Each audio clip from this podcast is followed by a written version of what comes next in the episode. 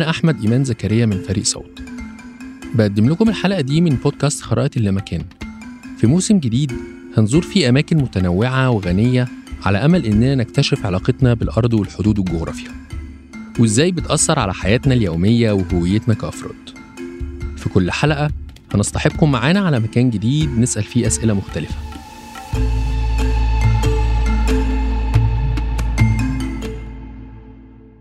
النهاردة حلقتنا من جمهورية مصر العربية.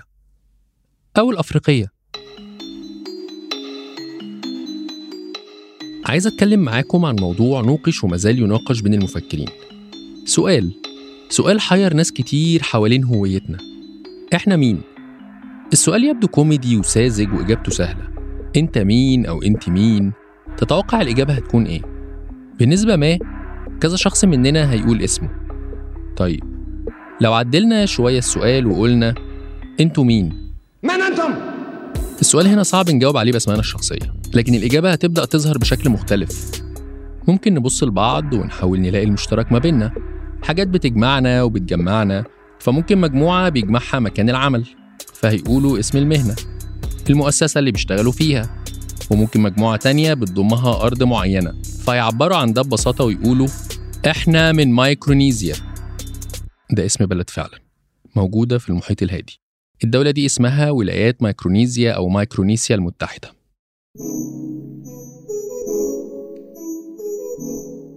طيب ما الإجابة سهلة أهو. الهوية بتتشكل من شوية عناصر نقدر نقول منها الأرض أو المكان. والمكان الحقيقة أثره علينا كبير جدا. من خلاله بتتكون الشخصية وبتتخلق الذكريات والاضطرابات النفسية والإنجازات كمان. المكان بتتشكل منه البيئة. تخيلوا معايا مثلا شخص اتولد في بيئة صحراوية. هتكون شخصيته متأثرة بطبيعة المكان لأي درجة. كمان في عناصر تانية بتشكل الهوية زي الدين والعرق واللغة إلى آخره. طيب فين الأزمة؟ والله الأزمة مش عندي أنا شخصيا. هي عند كتير من المفكرين اللي عملوا للهوية أزمة وشافوا إن في مواقف كتير فيها أزمات هوية عند أمم وجماعات إنسانية مختلفة. وطرحوا أسئلة كتير زي هل الأمة دي مثلا هويتها موحدة؟ طب إيه اللي بيوحده؟ الدين مثلا إنهم مسلمين؟ طيب لو في ديانات أخرى غير الدين الأكبر أو الأوسع طيب خلينا نفكر في حاجة تانية زي مثلا القومية الهوية القومية شعب مايكرونيزي بيحب وطنه وبيرفع علمه وبيغني النشيد الوطني المايكرونيزي طيب ما الهوية المايكرونيزية دي مش هوية نقية يا سيدي دول ناس عايشة في المحيط الهادي وأكيد في تأثيرات ثقافية وجينية من شعوب تانية. يعني نعمل إيه دلوقتي؟ مش هنعمل حاجة الحقيقة. الهدف من الحلقة دي إننا نحكي شوية قصص عن سؤال أو أزمة الهوية ونسيب الباب مفتوح لأسئلة أكتر. الأسئلة دي مش لازم تخلق أزمة والطبيعي إنها ما تخلقش أزمة لأن الأزمات برضو طبيعي إنها تتحل. ولو بعد حين. فلن أنسى حديثا دار بين الأمير محمد علي رحمه الله. وبين مصطفى النحاس رحمه الله أيضا بمناسبة مجانية التعليم وبمناسبة الماء والهواء التي تذكرينها فقد قال محمد علي للنحاس إذا كان طه حسين سيصل إلى ما يريد ويعلم الناس جميعا فمن يخدمنا في بيوتنا؟ فرد عليه النحاس رحمه الله ردا حسنا جدا. قال له إن إنك راجع من أوروبا في هذه الأيام. وقد كنت في الفنادق الكبرى هناك. قال نعم. قال لم تكن تخدم في الفندق؟ قال بلى.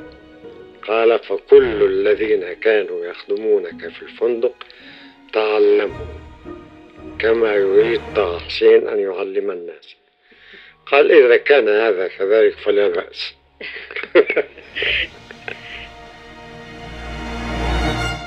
ده صوت الدكتور طه حسين المفكر والأديب المصري الراحل والملقب بعميد الأدب العربي واللي كان منشغل جدا بمسألة الهوية. كتب واحد من الكتب المهمة بعنوان مستقبل الثقافة في مصر وناقش فيه موضوع الهوية أو الثقافة المصرية وعلاقتها بالحضارات القديمة زي مثلا الحضارة اليونانية. وكلمنا كمان في الكتاب عن مسألة التعليم ومسألة اللغة وعناصر تانية كتير مهمة في موضوع الهوية. وحابب أنقل لكم فقرة في إطار حديث دكتور طه عن اللغة العربية اللي اتكلم عنها كتير في الكتاب وقال عنها إن اللغة العربية ليست ملكا لرجال الدين يؤمنون وحدهم عليها ويقومون وحدهم من دونها ويتصرفون وحدهم فيها. ولكنها ملك للذين يتكلمونها جميعا من الأمم والأجيال. وكل فرد من هؤلاء الناس حر في أن يتصرف في هذه اللغة. تصرف المالك متى استوفى الشروط التي تبيح له هذا التصرف. واذا فمن السخف أن يظن أن تعليم اللغة العربية وقف على الأزهر الشريف والأزهريين. طه حسين هنا اتكلم بوضوح عن أهمية اللغة ودورها في تشكيل الثقافة والهوية هي مكون أساسي في ثقافة أي مجتمع وبالتالي معنى كلام دكتور طه هنا إن اللغة لو هتكون حكر على فئة بعينها فده معناه إن الثقافة أو الهوية المصرية هتتأثر بالسلب. في حكاية تانية عن طه حسين حكاها في مقال سابق ليه لما كان بيدرس في فرنسا بجامعة السوربون. في يوم من الأيام راح للهيئة المسؤولة عن إقامة الأجانب بفرنسا بعد ما استدعاه الموظف المسؤول. وأثناء مراجعة ورق طه سألوا الموظف وأنت جنسيتك إيه؟ فرد عليه الدكتور طه وقال مصري. طبعا الإجابة منطقية جدا لأي حد بيسمع الحوار. لكن وقتها الموظف ما شافش الموضوع كده. أنا بسألك على جنسيتك مش بلد الميلاد. أنت مولود في مصر لكن مصر ملهاش جنسية لأنها مش دولة مستقلة. مصر تابعة للسلطنة العثمانية وبالتالي أنت مش مصري أنت واحد من ضمن رعايا السلطنة العثمانية. قصة طه مش أول قصة بتحكي عن أزمة الهوية ولا هتكون آخر قصة الحقيقة. وسؤال الهوية ده بيظهر في مواقف مختلفة أهمها على الإطلاق لما نواجه كيان مختلف عننا مختلف شكلا وموضوعا.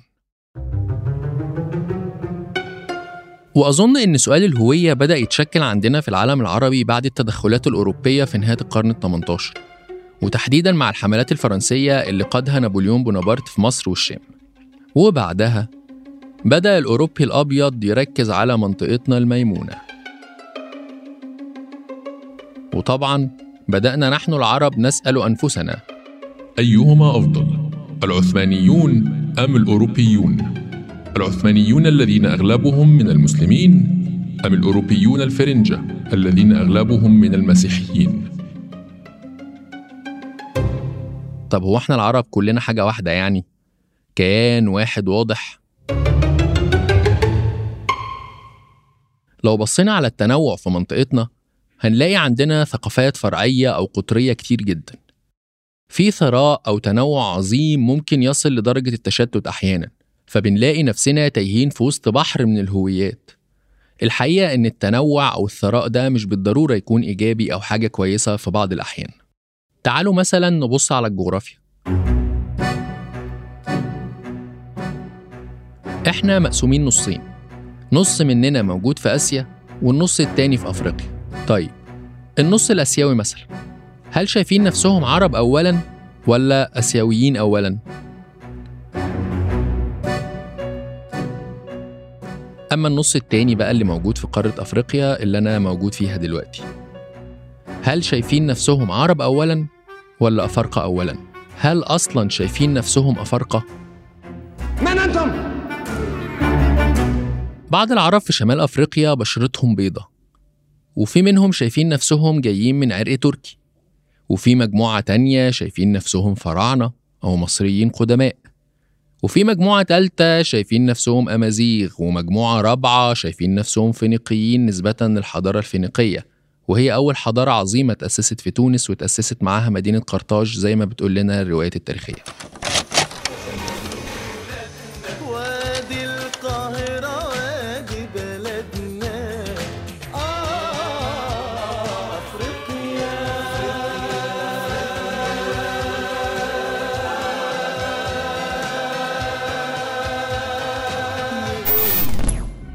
أفريقيا بالنسبة لي كمصري هي امتداد استراتيجي واكتمال للأمن القومي المصري. أرض الخير الناس الطيبين صورة الفلاح الأفريقي الكادح تحت أشعة الشمس الحارقة. طبعا ده مش كلامي ده اللي اتعلمناه في المدرسة.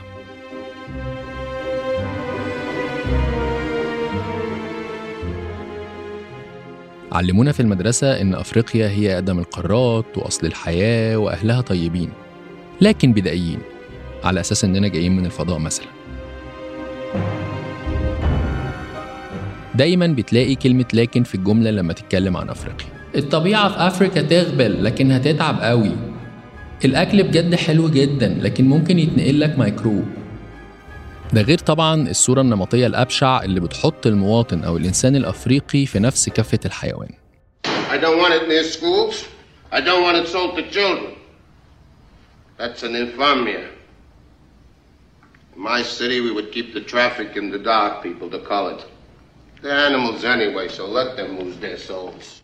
علاقتنا في شمال أفريقيا بباقي جنوب القارة وفي مصر بشكل محدد أكتر لعب دور رئيسي في تشكيل ملامحها الزعيم القائد جمال عبد الناصر اللي كان عنده مشروعات كبيرة طول الوقت مشروعات تحرير وتعمير وتدمير وقضاء قضاء على الاستعمار وجلاء وبناء بناء سد ورفع برج.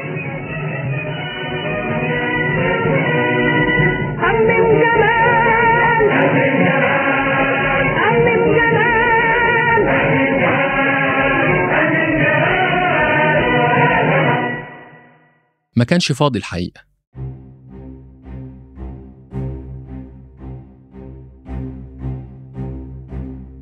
وطبعا أفريقيا كانت جزء من مشروعه الخرافي. يلا نساعد الثوار في الجزائر ونبعت دعم لإخواتنا في الكونغو. عايز أتكلم مع صديقي كوامي نكروما في غانا ما هو القارة دي بتاعتنا؟ دي رؤية عبد الناصر. هو كان شايف قارة أفريقيا امتداد لأمن مصر. وقال ده بوضوح في كتابه فلسفة الثورة. كتاب ألفه بعد نجاح حركة الضباط الأحرار اللي حصلت في يوليو 52 الحركة دي قضت على النظام الملكي وأنشأت النظام الجمهوري. أيها المواطنون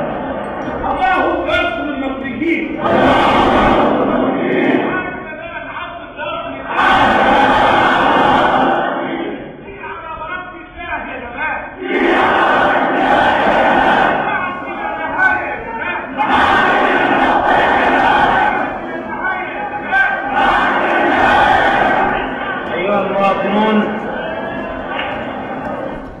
عبد الناصر قال في الكتاب إننا لن نستطيع بحال من الأحوال حتى لو أردنا أن نقف بمعزل عن الصراع الدامي المخيف الذي يدور اليوم في أعماق إفريقيا بين خمسة ملايين من البيض ومئتي مليون من الإفريقيين.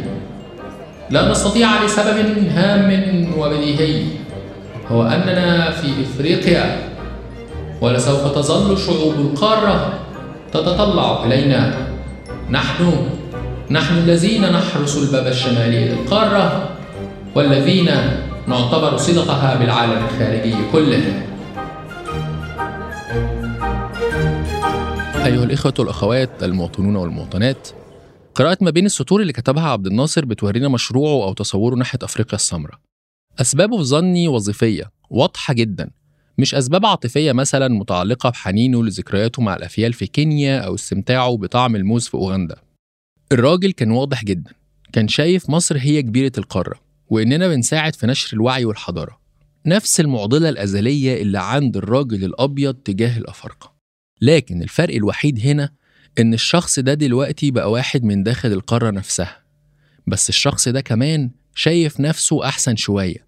شايف نفسه المصري كريم العنصرين صاحب الحضارة العريقة. أنا المصري كريم العنصرين بنيت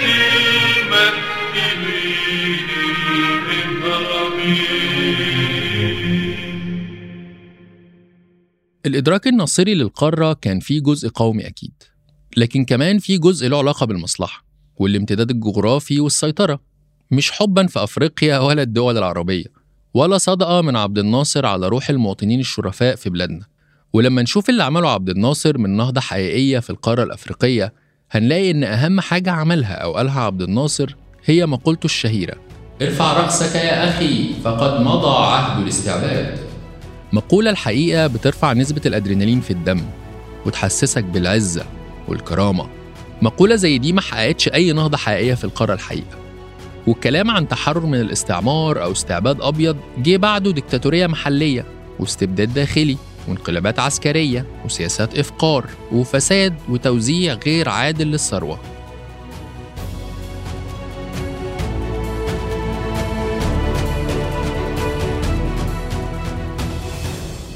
فهنا ظهور الهوية الأفريقية في خطاب أو كلمات رئاسية مصرية مش بالضرورة توصل للمواطن المصري الكادح أو غير الكادح.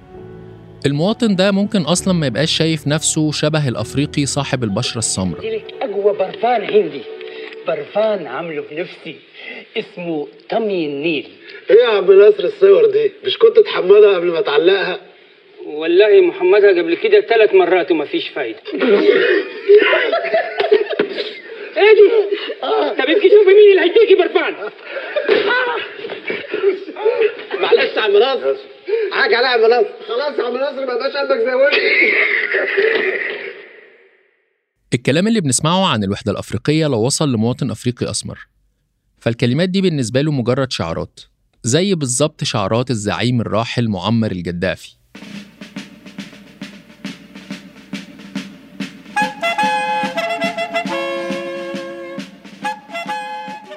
اللي بفتكر له إنه لما كان في غينيا كوناكري سنة 2007 وكان واقف بيلقي خطبة من خطبه العصماء أمام جمهور ضخم.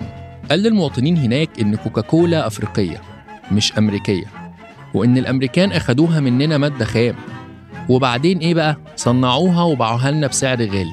تتصوروا هنا الجمهور اللي واقف في نهار حار تحت شمس غينيا الحارقة. نفس المواطن الأفريقي الكادح واقف بيسمع الزعيم الأممي. يا ترى ممكن يكون عمل إيه؟ تعرفوا الكوكا كولا Connaissez le Coca-Cola إيه؟ ولا لما نسلوا البيبسي. نسلوا عن البيبسي. كولا كوكا كولا.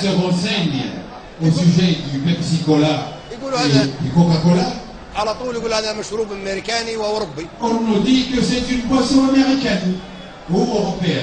وهذا غير صحيح. سوسي دي كو فري الكولا أفريقية. باسكو الكولا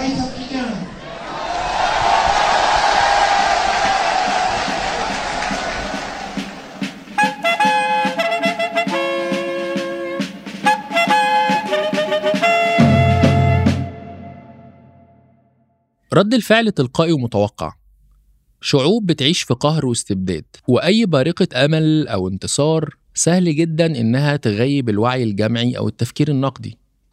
في نفس الوقت في تفسير بيقول إن تصريح القذافي عن الكوكاكولا كان سببه حرب بين عيلة القذافي وشركة كوكاكولا. القذافي كان عايز نسبة من أرباح كل إزازة كوكاكولا أو كل زجاجة كوكاكولا بتبيعها الشركة في قارة أفريقيا. القذافي كمان كان بيطالب دايما بالولايات المتحدة الأفريقية. وإننا كأفارقة لازم نتولد ونموت في قارتنا الحبيبة وإنه ما ينفعش يكون في هجرة تاني لأوروبا أبدا. زيادة المقاعد يزيد الطين بلة. أنا ما بعرف المترجم كيف ترجم ال الطين بلة. هذه هذه مثل يصعب ترجمتها بالإنجليزي يعني لكن المساعدة كان فيها هي to add insult to injury. الصورة المنفصلة بيني كمصري بيعيش في القارة الأفريقية وإحساسي بالانتماء للقارة خلقتها النوعية الساذجة دي من الخطابات وأكدتها سياسات تانية لشخصيات زي الرئيس المؤمن محمد أنور السادات اللي كان عازل نفسه عن أفريقيا وعازل مصر معاه طبعا والرئيس صاحب الضربة الجوية الأولى محمد حسني السيد مبارك. الراجل كان هادي ومش عايز مشاكل أقصد مبارك طبعا لكن السادات كان بيحب التمثيل. ثورة 23 يوليو زي الثورة الفرنسية تمام بالنسبة لمصر وزي ثورة أمريكا بالنسبة لأمريكا. فلما يجي بهذه البساطة يتكتب بهذه البذاءة والتهجم والإجرام دي ثورة شعب. طلع من جديد وأبنائه اللي ما كانوش بيتعلموا وكان محكوم عليهم اتعلموا وعادت الحقوق لأصحابها. في يوم من الأيام سافر الرئيس مبارك في زيارة لإثيوبيا سنة 1995 عشان يحضر قمة أفريقية لكن مجموعة من أهل الشر حاولوا اغتياله. ومن يومها علاقة مصر بأفريقيا كلها جفاء وانفصال ولسه عايشين في نفس الدوامة. مصر للمصريين مصر عربية مصر إسلامية مصر فرعونية مصر أخضعت كل الغزاة مصر الشقيقة الكبرى. وطبعا طبعا طبعا مصر أم الدنيا.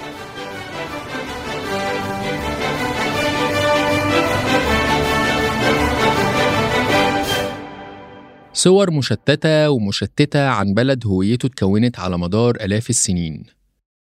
هوية اتشكلت من خلال الاحتلال والحكم الأجنبي. من أول الإغريق مرورا بالفرس والروم والأمازيغ والعرب لغاية العثمانيين والفرنسويين والإنجليز. إزاي بعد كل البسطرة الحضارية دي يتم تلخيص وطن أو شخص في صورة واحدة؟ إحساس الانفصال والتشتت ده شفته بنفسي لما عشت في الخارج. عشت بره مصر لمدة سنتين تقريبا. زرت فيهم ثلاث ثقافات مختلفة عن بلدي الأم. أول بلد كانت بولندا. الثقافة هناك كانت بيضة جدا. كانوا بيشوفوني هناك أبيض غير مكتمل. وده بديهي. جينيا أنا مش أوروبي المسحة.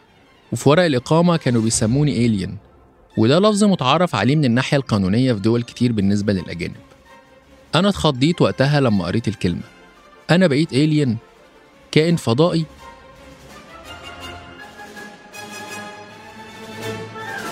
الحقيقة مش ده المعنى المقصود في الورق القانوني. المعنى المقصود إن شخص غريب أو أجنبي. رحت أوغندا. لقيتهم بيندهوا عليا هناك ويقولوا لي موزونجو. واللي هي ببساطة معناها الشخص الأبيض أو غير الأفريقي. طبعا أنا ما فهمتش ليه بيقولوا لي موزونجو.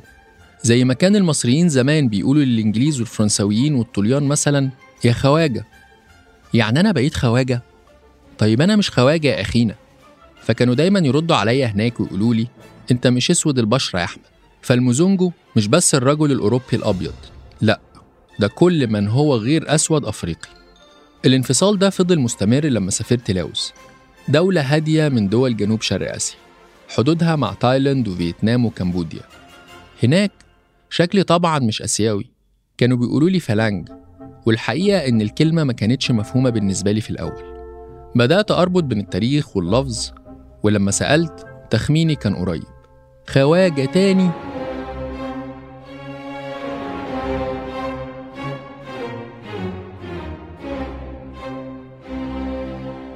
لما تفكر فيها هتلاقي كلمة فلانج قريبة من كلمة فرنج اللي كنا بنقولها على الفرنجة المحتلين.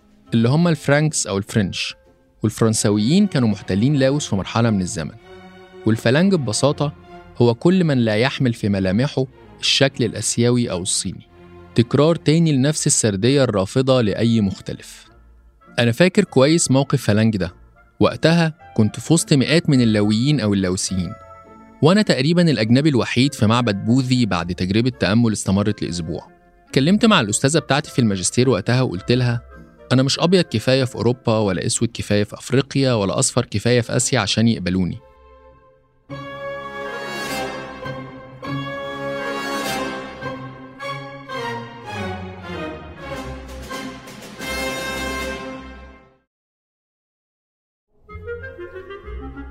إن الرجل الأسود الذي يريد أن يتحول للعرق الأبيض بائس مثله مثل الشخص الذي يدعو لكراهية ذوي البشرة البيضاء. المقولة دي من كتاب بشرة سوداء وأقنعة بيضاء، وهو العمل الأشهر للمفكر الفرنسي المارتينيكي فرانز فانو أو فرانز فانون. كتاب ألهم كتير حوالين العالم، من بينهم الكاتب والمفكر إدوارد سعيد، اللي قال إنه اتأثر بكتاب فانو واستخدمه في محاضراته عن الثقافة والإمبريالية. إيه حكاية فانو بقى؟ فانو طبيب نفسي فرنسي اتولد في جزيرة المارتينيك بمنطقة جزر الكاريبي بالمحيط الأطلنطي الجزيرة دي كانت تحت الحكم أو الاحتلال الفرنسي في بدايات القرن العشرين وسكان الجزيرة دي من ذوي البشرة السوداء أفارقة بالمعنى الجيني أو العرقي إن قدرنا نقول كده يعني. فانو كان بيشوف إن الرجل الأسود بيعاني من عقدة الدونية ونتيجة للعقدة دي كان بيحاول يثبت طول الوقت قدرته وكفاءته للرجل الأبيض وإن مفهوم الرجل الأسود المثالي مفهوم مصنوع على إيد الرجل الأبيض اللي جه لأفريقيا أو راح أي منطقة تانية يحتلها ويمنحها التنوير الأوروبي. وإن الشخص الأسود بطبيعة الحال لا يمتلك تاريخ أو حضارة وفق الرؤية الأوروبية. وإذا حاول الإنسان الأسود الاقتراب من هذه الحضارة أو هذا التمدن فبالتأكيد بالتأكيد لازم يكون متعلم تعليم أوروبي وفي الحالة بتاعتنا فرنسي. وبالتالي فهوية ومصير الشخص الأفريقي بالنسبة لفانو مرتبطة ارتباط حتمي بالرجل الأبيض اللي بيشكل وعي ومصير وشخصية الإنسان الأسود. واتكلم فانو عن فكرة مهمة في رأيي اسمها الاغتراب أو alienation. الاغتراب بيعيش فيه الإنسان الأسود داخل الثقافة الأوروبية لأنه ببساطة عايش بوشين أو بشخصيتين شخصية مع أهله أو بني جلدته أو عرقه والشخصية التانية مع الأوروبيين البيض. وده بيخلق عنده تناقض حاد في الشخصية. وأرجع فانو الظاهرة دي لحاجة سماها بالخضوع الاستعماري أو الكولونيالي. Colonialist subjugation.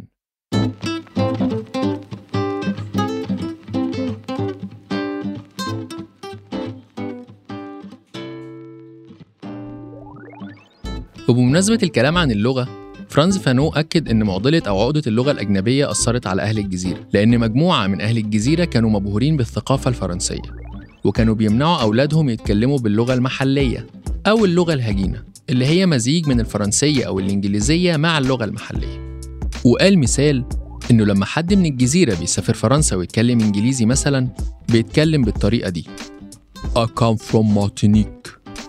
It's the first time I've ever come to France. الشكل ده من التحدث أو النطق لو ربطناه بالواقع الحالي عندنا في كتير من دولنا العربية أو مصر تحديدا علشان ما أكونش بعمم هنلاقي إن نفس الإحساس بعقدة اللغة قائم وهنلاقي بعض المجموعات في مصر مش بتحب تتكلم باللهجة المصرية العربية وهتفضل تتكلم بالإنجليزي الأمريكي أو البريطاني ولو حد اتكلم بالإنجليزي بلهجة مصرية بينال قسط جيد جدا من السخرية لأنه منالش المنحة العظيمة ونعمة الحديث بلهجة ماما أمريكا أو تيتا فيكتوريا. الهوية بالنسبة لفانو مش منفصل عن الاستعمار. وده سؤال مطروح طول الوقت عن دور الكولونيالية أو الاستعمار أو الاحتلال في مصير وهوية الدول اللي وقعت تحت حكم استعماري وإزاي اتأثرت ثقافيا واقتصاديا ودينيا وكمان جينيا.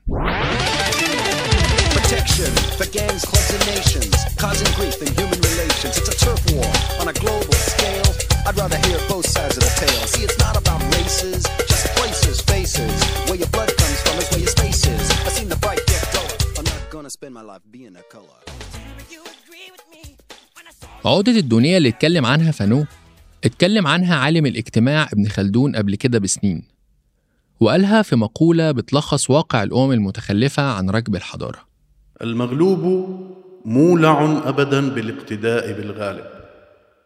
في شعاره وزيه ونحلته وسائر أحواله وعوائده.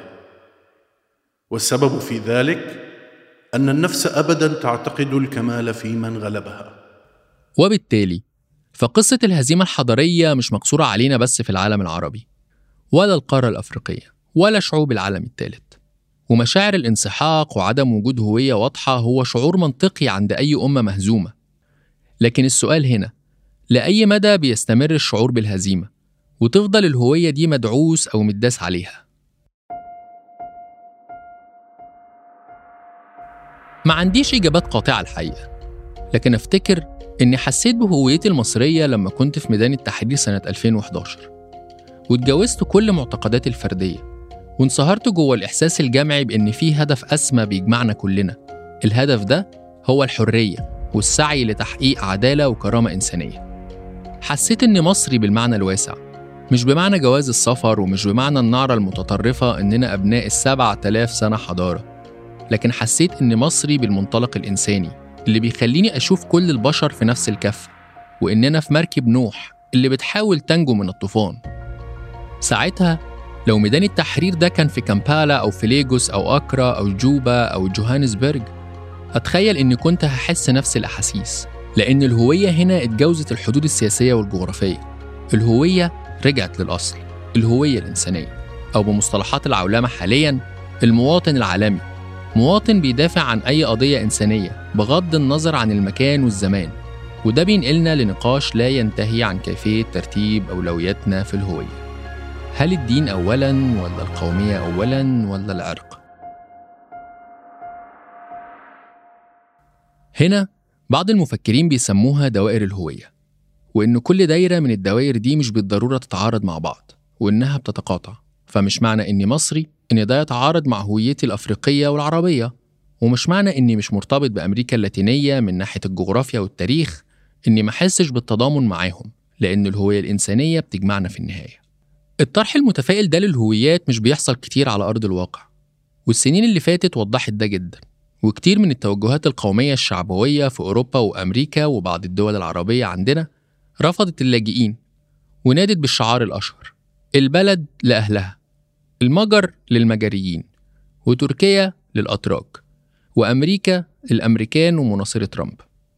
وكأننا بنعيش في فيلم مكرر ممل مفيش فيه أي ابتكار في الحبكة. كل ما نحس تهديد من الاختلاف والتنوع نقفل الباب على نفسنا ونرفض أي حد يدخل. يا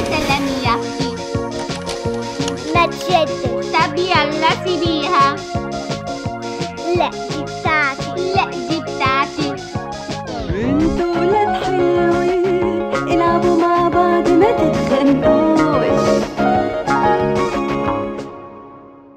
وافتكر هنا إزاي كتير مننا في بلادنا العربية مع الأزمة السورية ولجوء كتير من السوريين لدول الجوار زي الأردن ولبنان ومصر وتركيا بدأت نبرة قومية تتعالى مع زيادة عدد السوريين.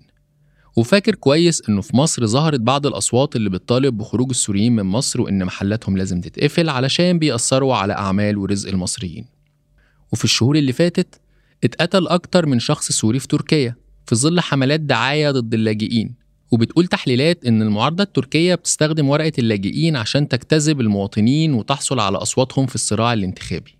عشان أكون صريح معاكم الرؤية الحالمة إننا نعيش في عالم بيحب بعضه والعصافير بتزقزق حوالينا ومفيش فرق بين أي حد ده وهم. وهم ما تحققش حتى في الأساطير القديمة. تصوروا إن واحدة من أشهر الأوبرات في العالم هي أوبرا عايدة. حبكتها الرئيسية هي قصة حب مأساوية بتفشل بين قائد مصري غير أفريقي طبعا بالمعنى الحضاري وأميرة إثيوبية أسرت على إيد الجيش المصري. الأميرة عايدة والقائد راداميس وقعوا في حب بعض. بس الموضوع كان معقد شوية. في أميرة مصرية بتحب القائد العسكري المصري وهو مش بيبادلها نفس المشاعر. معضلة حب متجاوزة للحدود الجغرافية والأعراق. مأساة مصرية قديمة. وكالعادة ملك مصر طبعا بيقرر إن راداميس يتجوز بنته لكن راداميس بيوعد عايدة إنه هيتجوزها. في نفس الوقت بيكتشف راداميس في لحظة إن أبو عايدة وهو ملك الحبشة وإثيوبيا كان موجود طول الوقت ده ضمن الأسرة في مصر وما كشفش عن هويته الحقيقية.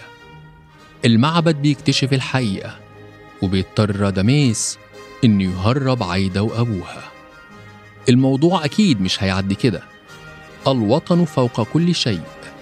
وفي لحظة القائد المصري اللي كان شجاع وكان هيتولى الحكم بعد الملك الحالي اتحول لخاين.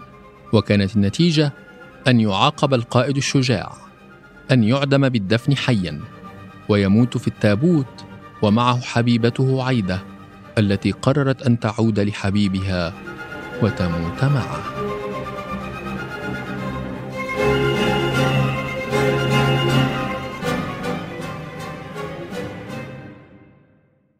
في سؤال طرح في ثقافات متعددة عن علاقة الهوية بالتراث. هل نرجع لتراثنا وماضينا عشان نستعيد هويتنا؟ هل نرجع للحضارة الفرعونية مثلا ونعيد إحيائها تاني؟ نعمل زي الأوروبيين في عصر النهضة اللي قرروا يعيدوا إحياء الأفكار والقيم الأوروبية القديمة اللي أسس لها الإغريق والرومان؟ نهضوا من عصور مظلمة عشان كده بقى اسمه عصر النهضة وبدأوا في صناعة حضارة جديدة مستلهمة من المجد اللي كان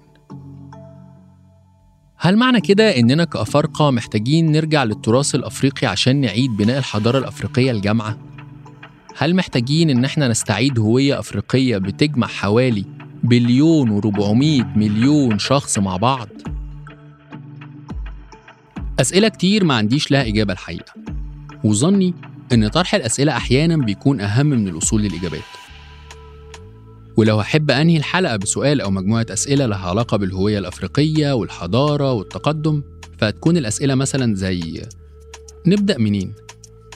وهل محتاجين يعني نرجع للتراث علشان نستعيد هويتنا الأفريقية؟ ومين قال إن كل البشر اللي عايشين في أفريقيا عايزين هوية واحدة تجمعهم؟ وليه ما نحترمش أصلا الخصوصية الثقافية لكل ثقافة فرعية موجودة في القارة؟ وختاما أحب أشارككم مقولة للكاتب فرانز فانو بيقول فيها أنا الإنسان ذو البشرة الملونة أريد فقط ألا تتحكم الآلة في الإنسان وأن يتوقف استعباده للأبد أن يكون اكتشاف الإنسان ممكنا لي أن أحبه أينما كان. كنا معاكم من الإنتاج أحمد إيمان زكريا وهبة النابلسي من الكتابة والتقديم أحمد إيمان زكريا من التحرير تالا حلاوة وتالا العيسى من الإخراج الصوتي يزن قواس.